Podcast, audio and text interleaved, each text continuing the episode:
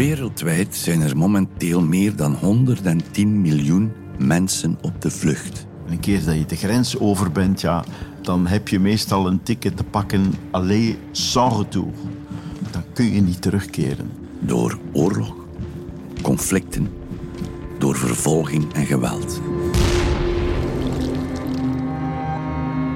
Op 22 april 1915 was Yper op de vlucht. Maar heel snel ziet men dat wat er gebeurt met de bezittingen die ze achterlaten. Soldaten gaan de huizen binnen, richten feestjes aan en vernielen veel van het bezit van mensen. Door de gelige wolk. Door de belegering van de Duitsers.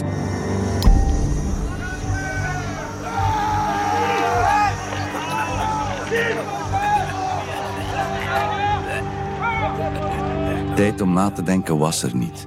Vluchten en wegwezen was de boodschap. En dan gaan ze schuilen. Dan gaan ze kelders opzoeken. Dan gaan ze sterke gebouwen opzoeken, grote gebouwen waar ze kunnen inschuilen. En dat zie je dus zeer veel gebeuren in die eerste oorlogswinter. Bijvoorbeeld in een stad als Yper. Alle gebouwen die stevige kelders hadden, die worden bezet door burgers.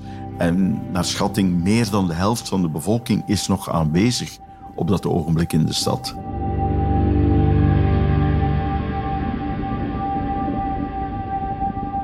Pieter Trog van het in Flanders Fields Museum neemt ons mee naar de Menepoort.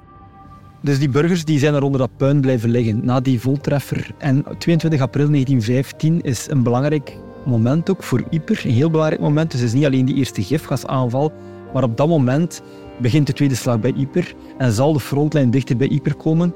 En in die periode zullen eigenlijk de meeste burgers die toen nog in Yper of omstreken woonden, vluchten. Deze podcastreeks neemt je in vier afleveringen mee naar die gitzwarte dag uit de geschiedenis van Yper en omstreken. Waar het landschap en de begraafplaatsen de laatste getuigen van zijn. Dit is een podcast van het In Flanders Fields Museum. We staan nu aan de Menepoort in Yper. Misschien wel het bekendste monument van de Eerste Wereldoorlog in België. Dat is een monument hier van de vermisten, dus degene van wie geen lichaam teruggevonden is, van de Commonwealth. Er staan ongeveer 55.000 namen op die, op die Menenpoort. Dus dat zijn allemaal namen van mensen van wie het lichaam niet teruggevonden is. De Menepoort staat nu in de stijgers. Er vinden uh, renovatiewerken plaats. Ik denk dat het zal klaar zijn tegen 2027, want dan is de 100ste verjaardag van de Menepoort. Dus het is ingericht op 24 juli 1927. En waarom net hier? Omdat dat een, een heel belangrijke plek was voor de Britse troepen die bij Yper gevochten hebben. Dus door deze poort moesten ze gaan om naar het front, naar de Yper rond de stad uit te gaan. Een heel symbolische plek. Maar tijdens de oorlog, of voor de oorlog, stond die poort hier niet natuurlijk. Ze werd ook wel de Menepoort genoemd, maar hier stond iets anders. Dus in die poort stonden twee huizen. En één daarvan was een café en dat heette In de Oude Wachten. Er bestaan een aantal heel mooie foto's van. Als je dus net buiten de poort staat op de hoek, dan zie je een beeld uit de herfst van 1914. Hè, zie je die twee huizen. Er staat een vrouwtje in de deur, waarschijnlijk de cafébaas in. De gracht zit een, witte zwaan. Een heel idyllisch beeld. Wel, dat is eigenlijk een een heel mooi beeld van hoe die plek eruit zag voor de oorlog. heel veel mensen kunnen zich dat niet meer inbeelden, omdat het beeld van dit militaire monument, die Menepoort zoals die er nu uitziet, zo overheersend is. Maar tijdens de oorlog vindt daar een heel grote tragedie plaats. Op 22 april 1915 vond de eerste gifgasaanval plaats.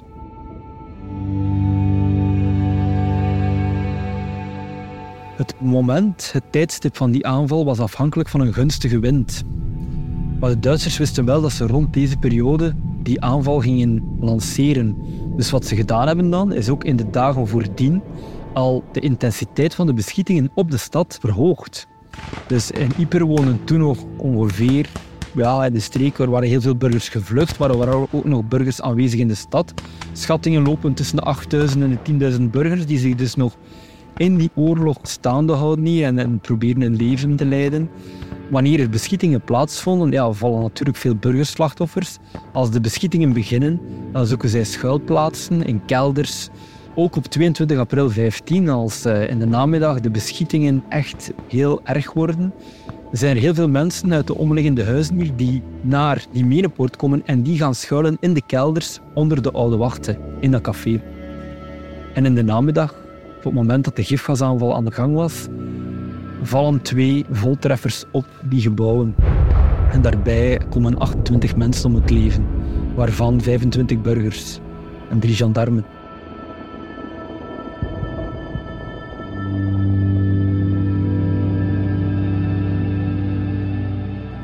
Tijdens de beschietingen, je moet niet vergeten dat 22 april is ook een aanvalsdag. Hè? Dus men gaat de activiteiten van de Duitse kant openen met de gaswolk. Maar nadien moet er dus aangevallen worden door de infanterie. En daarmee gaat zwaar artillerievuur gepaard. Om te zorgen dat de tegenstander niet meteen tegen kan komen. En dat is ook wat gebeurt. Dus alle dorpjes in de omgeving van de bres waar de gaswolk heeft huisgehouden, die worden dus allemaal bestookt. Hè. Boezingen, Brielen, Sint-Jan, Ieper, die krijgen de volle laag. En dus de burgers die nog overal aanwezig zijn, die hebben niet alleen maar te kampen met het gas, maar hebben ook af te rekenen met zwaar artillerievuur. Piet Gillens, oud-directeur van het in Flanders Fields Museum, heeft er altijd naar gestreefd vanuit het perspectief van de mensen te vertellen. En dus ook van de burgers. Ja, hoeveel burgerslachtoffers zijn er? Wel, wij hebben de nobele taak op ons genomen met het museum om die te gaan tellen. We overtreffen daarbij onze eigen verwachtingen, omdat je moet weten, in de historiografie heeft men het meestal over zo'n 8000 burgerdoden. Tot wij zijn beginnen tellen en dat we zien dat de aantallen veel groter zijn, dat daar categorieën bij horen die nog nooit in aanmerking zijn genomen. Mensen die als gevolg van de oorlog ja, eh, het slachtoffer worden van epidemisch. Tyfus, koortsen in de eerste oorlogswinter, Spaanse griep in het laatste oorlogsjaar. Maar daarnaast ontzettend grote aantallen nevenschade, collateral damage. Zeggen vanaf 1915 heb je ook zoiets als uh, luchtbombardementen. Nog niet van de aard van de Tweede Wereldoorlog natuurlijk, maar die maken echt wel veel slachtoffers. Zodoende komen wij nu op ongeveer 28.000 slachtoffers, burgerslachtoffers.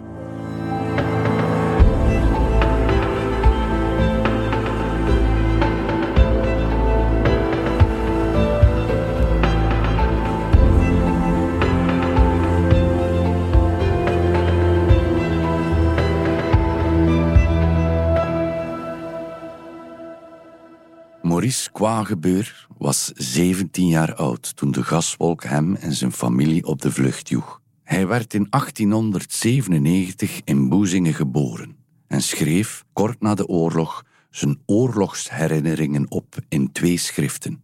Onder andere Mijn herinneringen uit een wereldkrijg 1418. 21 april, heerlijke lentetijd. De nog rechtgebleven bomen staan nu getooid met een heerlijk groen. De weiden zijn tot uitgestrekte tapijten herschapen. Vogels zijn volop bezig hun nesten te bouwen. En het vee biest van de ene kant de weide naar de andere. De volle lucht inademende na hun maandenlang verblijf in geslotene stallen. De landman herneemt zijn bewerking der velden, tussentijdig onderbroken door vreselijke vernielende ontploffingen van vijandelijk schroot want dat moorddadig gedoe overmeestert steeds onze streek. Maurice Kwagebeur is een jonge man in Boezingen, waar hij nog woont met zijn familie. Hij is nog niet opgeroepen voor het Belgisch leger. Dat zal pas nadien gebeuren, maar op 22 april is hij dus getuige van wat er in Boezingen gebeurt en hoe dat dorp eigenlijk ja, die dag de bevolking daarvan weggejaagd wordt door de gaswolk en door artillerievuur, waardoor Boezingen leegloopt, zeg maar. En in het geval van de familie Kwagebeur ook voor goed de vlucht neemt. Want dus het front schuift dichterbij, waardoor het na 22 april onmogelijk wordt om nog in Boezingen te wonen. Dus moet je naar Poperingen. En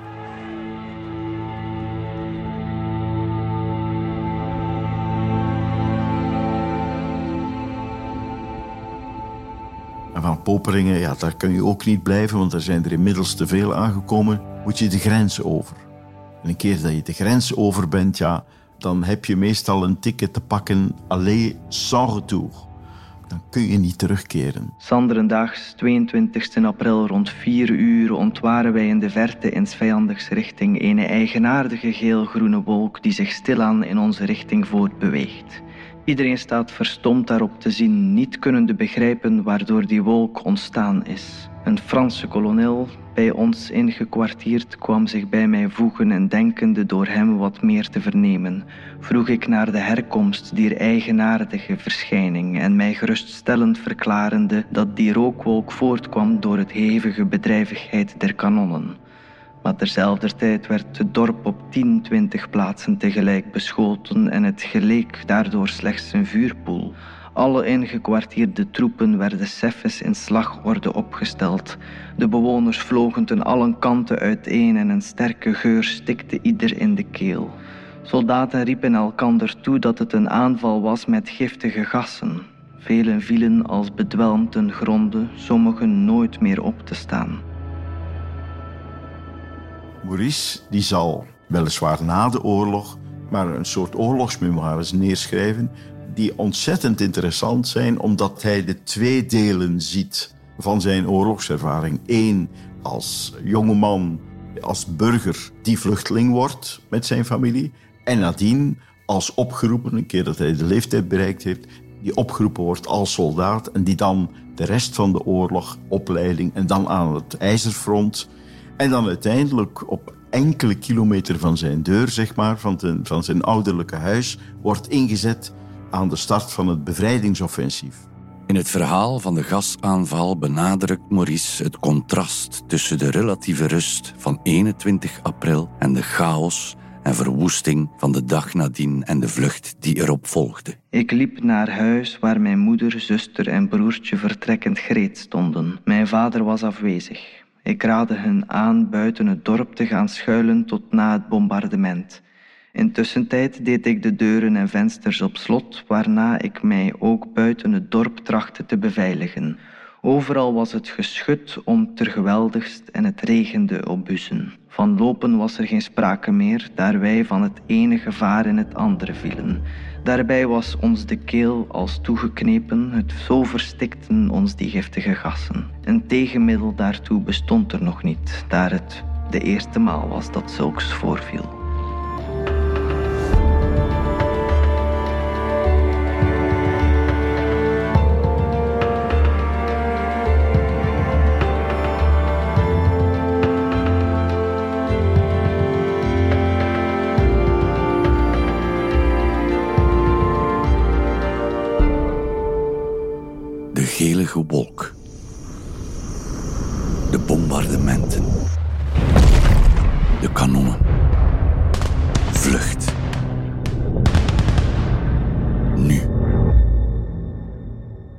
Dus dat betekent dat, dat er geen burgers meer aanwezig zijn die op zoek kunnen gaan naar burgerlijke slachtoffers die door die beschietingen gevallen zijn die die kunnen identificeren, uh, die vanuit onder het puin kunnen halen of een begrafenis geven, zoals mensen als bijvoorbeeld de lokale pastoor Camille Delare of zuster Margriet van de Lamotjes. Dat zijn mensen die zich ingezet hebben voor de burgersbevolking, dus die gewonden uh, hielpen of die doden begraven, die dagboeken hebben bijgehouden. Dus die bijzonder interessante bronnen zijn om burgerleed te gaan ontdekken.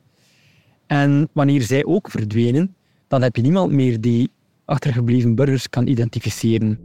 Sommigen verschuilden zich tot de storm zou gaan liggen in kelders van huizen en cafés, tevergeefs, zoals de mensen die post vatten in Doude Wacht en dankzij de inspanningen van velen later werden geïdentificeerd. Wat gebeurt er nu? In de nasleep van de tweede slag bij Yper wordt in Poperingen een detachement gevormd met Belgische militaire arbeiders, zoals we die noemden, onder leiding van uh, ene Ferdinand Baatmans. En die werden op bevel van de Britse town major of van de Britse autoriteiten in Poperingen naar Ypres gestuurd om hier het puin te ruimen in de straten, zodat de Britse troepen opnieuw vlot door kunnen, vlot kunnen passeren via die Menepoort naar het front. Baatmans zal op 22 april 1915 Ypres meemaken, maar hij zal voornamelijk in de weken erna, wanneer de burgerbevolking echt verplicht wordt om Ypres te verlaten, zal hij mee instaan eigenlijk voor de ontruiming van Ypres en nadien verschillende keren terugkeren om op bevel van Tremblois een aantal kunstschatten te proberen te redden, een aantal ja, belangrijk geachte bezittingen te proberen te redden. En op zo'n manier ontdekt hij op een bepaald ogenblik de slachtoffers van de Oude Wacht. Een cafeetje dat staat in de, waar nu vandaag de Menepoort staat. Dus in dat gat in de vestingsmuur, waar dus een oud wachtlokaal moet geweest zijn, wat nadien dus een, een herberg geworden is. En waar op 22 april ja, verschillende mensen naartoe vluchten tijdens het bombardement. Maar het café wordt geraakt door minstens één grote inslag. En er zullen 28 mensen om het leven komen. En die zullen pas weken later worden gevonden door de mannen van Baatmans.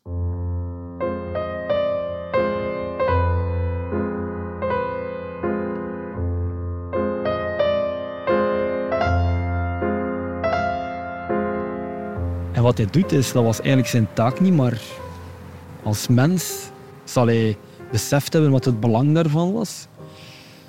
Heeft hij die slachtoffers zo goed mogelijk beginnen identificeren. Dus hij had een, blaadje bij waarin dat die, de weinige zaken die hij op die mensen aantrof, soms was dat een paspoort, soms was dat een, uh, een brief of een laissez-passer of zoiets waarin de naam stond, heeft hij, ze kunnen, heeft hij van de 25 burgers heeft hij er 21 kunnen identificeren.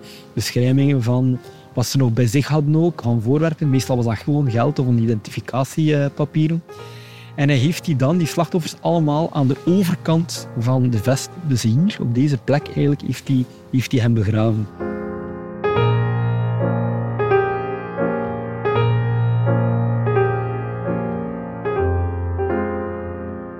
Het bestaan van die identificatie van die slachtoffers dat is ons pas veel later duidelijk geworden.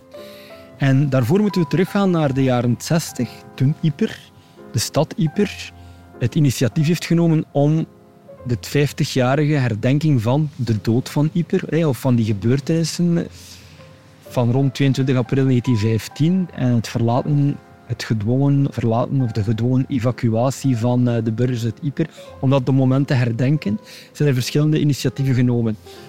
Een van de trekkers van die herdenkingsinitiatieven was Alfred Kanepeel.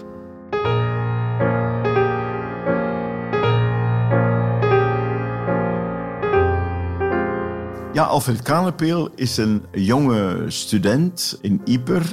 Hij heeft dus een, een achtergrond als jonge man in die oorlog. En na de oorlog wordt hij veearts in Yper. Zodoende zal hij die geschiedenis leren kennen van, op twee manieren eigenlijk. Aan de ene kant heeft hij een ontzettende belangstelling voor alles wat het Britse leger heeft gedaan vanuit zijn goede contact met de Britten, maar hij zal gaandeweg toch ook ruimer worden en ook Duitse bronnen en ook Franse bronnen raadplegen. En aan de andere kant heeft hij de ervaring dat hij op al die boerderijen komt in de omgeving waar mensen zijn teruggekeerd, waar ze de sporen van de oorlog bij wijze van spreken hebben gewist. En waar hij samen met zijn klanten, zeg maar, eigenlijk het verhaal van de oorlog in het landschap ontdekt. Dus hij wordt een, ja, fantastische kenner van de Eerste Wereldoorlog in het Yperse. Hij zal een paar keer worden betrokken bij heel belangrijke plechtigheden.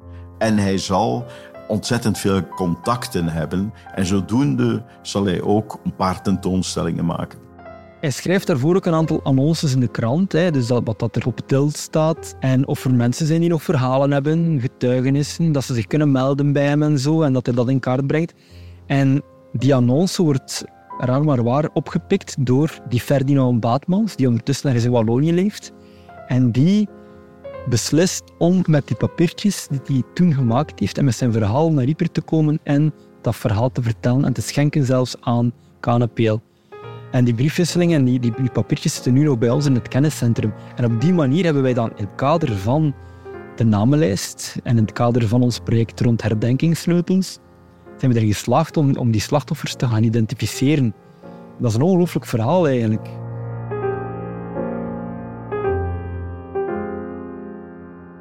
Dat is één verhaal. Maar aan de andere kant zullen we ook weten dat er ontzettend veel, honderden burgerslachtoffers waren in deze stad, die door de stedelijke administratie, in tegenstelling tot vele andere administraties die wel nog aan het werk waren, was dat in Ieper niet het geval, die dus door de stedelijke administratie gemist waren.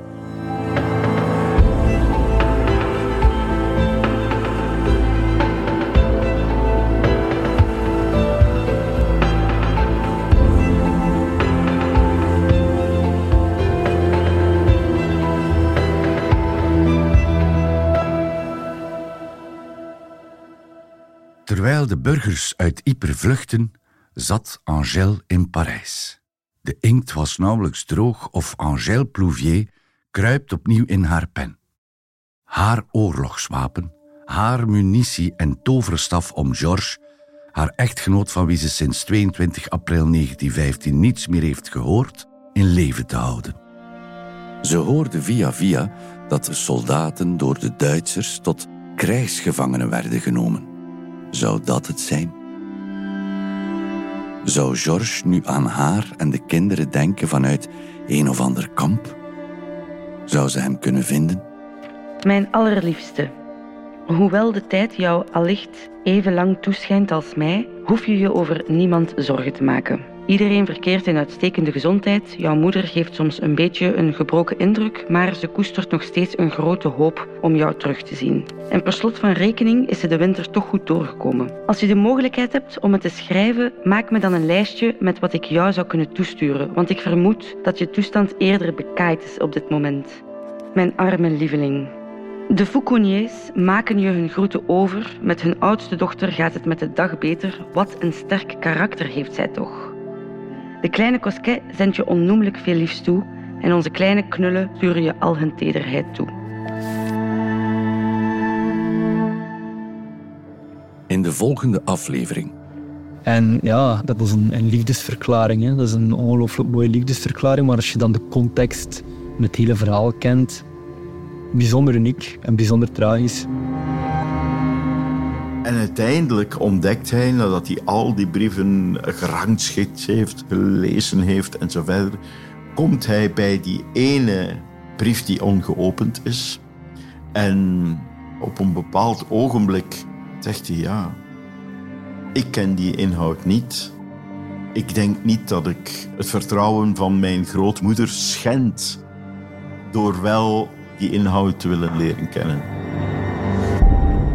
Dominique Vitale, de kleinzoon, is de eerste om dat altijd zelf te zeggen. Dat is een heel warme persoonlijkheid die zegt van het is maar één verhaal. Zo waren er honderdduizenden. Deze podcast is een productie van het In Flanders Fields Museum en is een onderdeel van de tijdelijke tentoonstelling Forevermore. Ontdek meer info via www.inflandersfields.be. Alle credits voor deze aflevering vindt u in de show notes.